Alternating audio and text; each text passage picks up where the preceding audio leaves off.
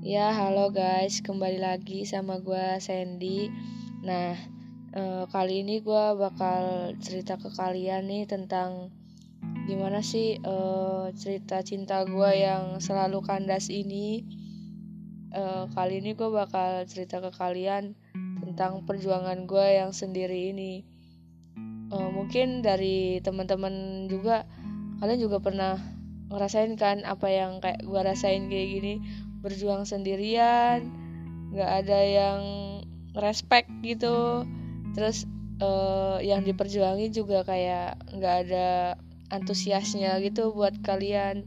Padahal kalian tuh udah ngasih semua yang kalian bisa buat mereka. Jadi stay tune terus di podcast gua kali ini ya guys